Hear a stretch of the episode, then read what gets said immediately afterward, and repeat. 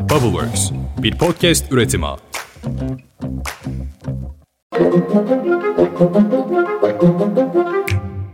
Günaydın. Bugün 20 Nisan 2023. Ben Özlem Gürses. Bubbleworks Media ve Pushholder ile birlikte hazırladığımız 5 dakikada dünya gündemine hepiniz hoş geldiniz.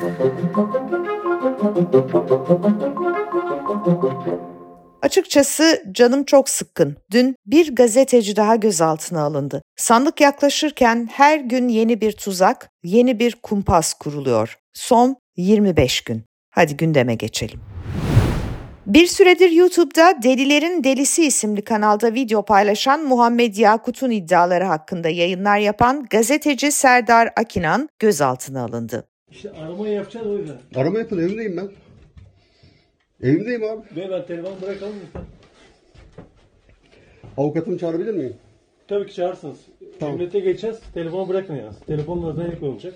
Telefonu bırakalım böyle. İlk saatlerde yakınları ve avukatları Akinan'a ulaşamadı. Nihayet ifadesinin alınmak üzere İstanbul'a getirildiği anlaşıldı. Akinan'a emniyetteki ifadesinde halkı yanıltıcı bilgi yaymak, hakaret, tehdit, kamu görevlisini terör örgütlerine hedef göstermek suçlamaları yapılmış. Hangi nedenle Muhammed Yakut'u yayına aldığı sorulmuş. Yani bildiğiniz gazetecilik faaliyetleri suç haline getiriliyor. Akinan ifadesinin ardından neyse ki gece geç saatlerde serbest bırakıldı.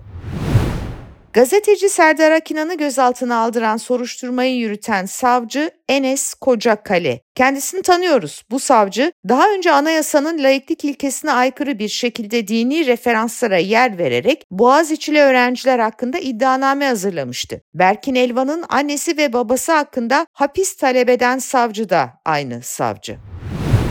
Bu arada Delilerin Delisi YouTube kanalına da kısıtlama kararı getirildi. Türkiye'den Muhammed Yakut'un videolarını izlemek isteyenler için kısıtlı içerik uyarısıyla karşılaşılıyor. Bu videolarla gündeme oturan Muhammed Yakut'un da 14 ayrı suç dosyasından sabıkası olduğu ortaya çıktı.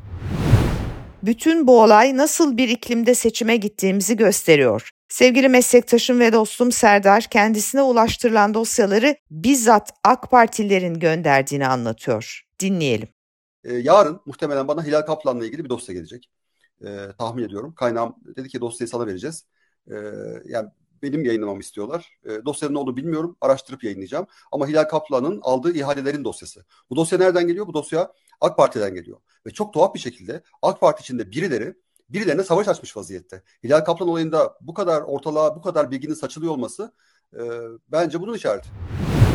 Cumhurbaşkanı Erdoğan Denizli'deydi. Erdoğan emekli olmak isteyen ev hanımlarımızın primlerinin üçte birini devlet olarak biz karşılayacağız dedi. Bir de her konuşmasında söylediklerini yineledi. Anlaşılan kampanya şu üç temel üzerine kurulacak. Tam olarak Erdoğan'ın cümleleriyle aktarıyorum size. Diyor ki Cumhurbaşkanı her konuşmasında CHP LGBT'leri besleyebilir. CHP terör örgütünün parlamentodaki uzantısı HDP ile beraber LGBT'cidir. Bu adamın hayatı yalan. Bunu Kılıçdaroğlu'na söylüyor. Kardeşlerim 200 milyar dolardan bahsediyor. Londra'nın tefecileri bu kadar aptal mı? Sen kimi aptal yerine koyuyorsun? Üçüncü cümlede şu. Avrupa, Batı dört gözle acaba Erdoğan nasıl gider bunu bekliyor. Erdoğan'ın nasıl dimdik ayakta durduğunu 14 Mayıs'ta siz göstereceksiniz. Evet, AK Parti'nin siyasi kampanyası bu üç kavram üzerine kurulu. LGBT'cidir, terör örgütü destekler, tefecilerden para buluyorlar, Batı zaten beni yemeye çalışıyor.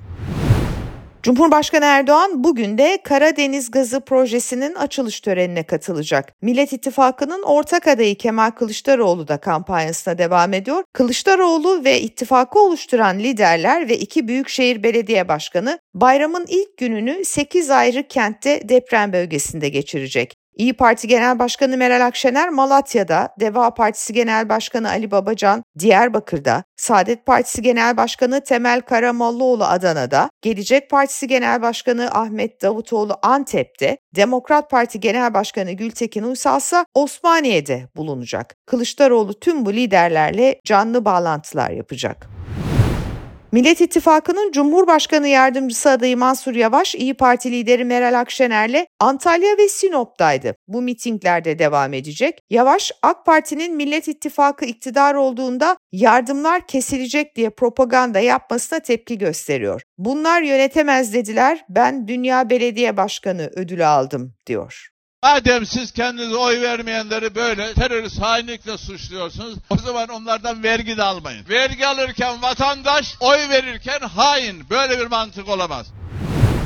Deva Partisi Genel Başkanı Ali Babacan yurt dışı vatandaşlar eylem planını açıkladı. Babacan basın toplantısında yurt dışında yaşayan 3 milyonun üzerindeki seçmenin iradesini doğrudan meclise yansıtmak amacıyla yurt dışı özel seçim bölgesi oluşturup yurt dışı milletvekilini getireceğiz dedi. Yurt dışında yaşayan 3 milyonun üzerindeki seçmenin iradesini doğrudan Türkiye Büyük Millet Meclisi'ne yansıtmak amacıyla yurt dışı özel seçim bölgesi oluşturup yurt dışı milletvekilliğini getireceğiz.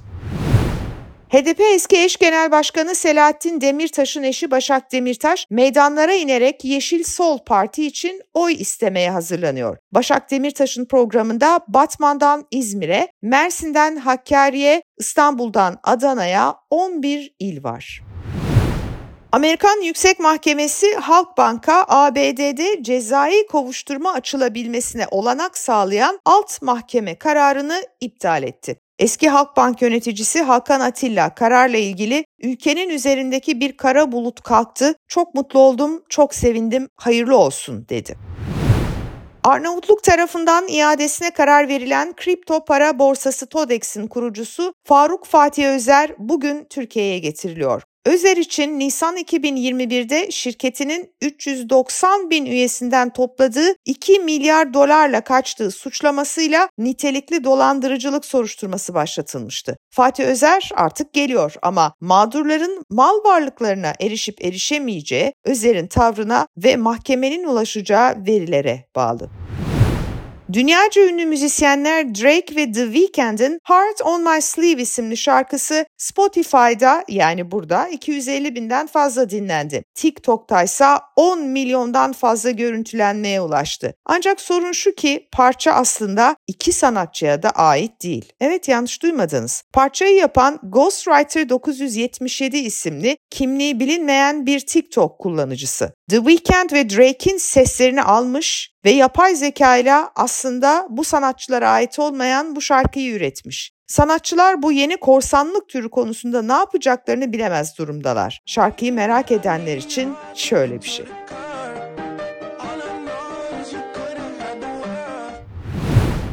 İyi Parti kampanyasının üçüncü filmi yayımlandı. Partinin milletvekili adayı ve eğitim politikaları başkanı Sevinç Atabay'ın yer aldığı videoda herkes için eşit nitelikli eğitim hedefi anlatılıyor. Sevinç Hoca bu arada TED Ankara Koleji'nden benim de öğretmenim. Çok değerli bir eğitimcidir gerçekten. Kendisini hem çok severim hem çok sayarım. Yolu açık olsun. Videoda Mustafa Kemal'in orijinal sesi var. Video bununla başlıyor. Ben de sizi o sesle uğurlamak istiyorum bugün. Bu vesileyle herkese gönlünüzce geçecek mutlu, huzurlu, sağlıklı bayramlar diliyorum. Ve aynı zamanda tam da aynı şekilde yani mutlu, huzurlu, bereketli bir Türkiye'ye varalım diyorum. Hepinize tekrar güzel bayramlar. Hafta başı pazartesi sabahı görüşmek üzere. Hoşçakalın. Türk milleti çalışkandır. Türk milleti zekidir. Türk milletinin hürmette olduğu terakki ve medeniyet yolunda elinde ve kafasında tuttuğu meşale müsbet elimdir. Bubbleworks bir podcast üretimi.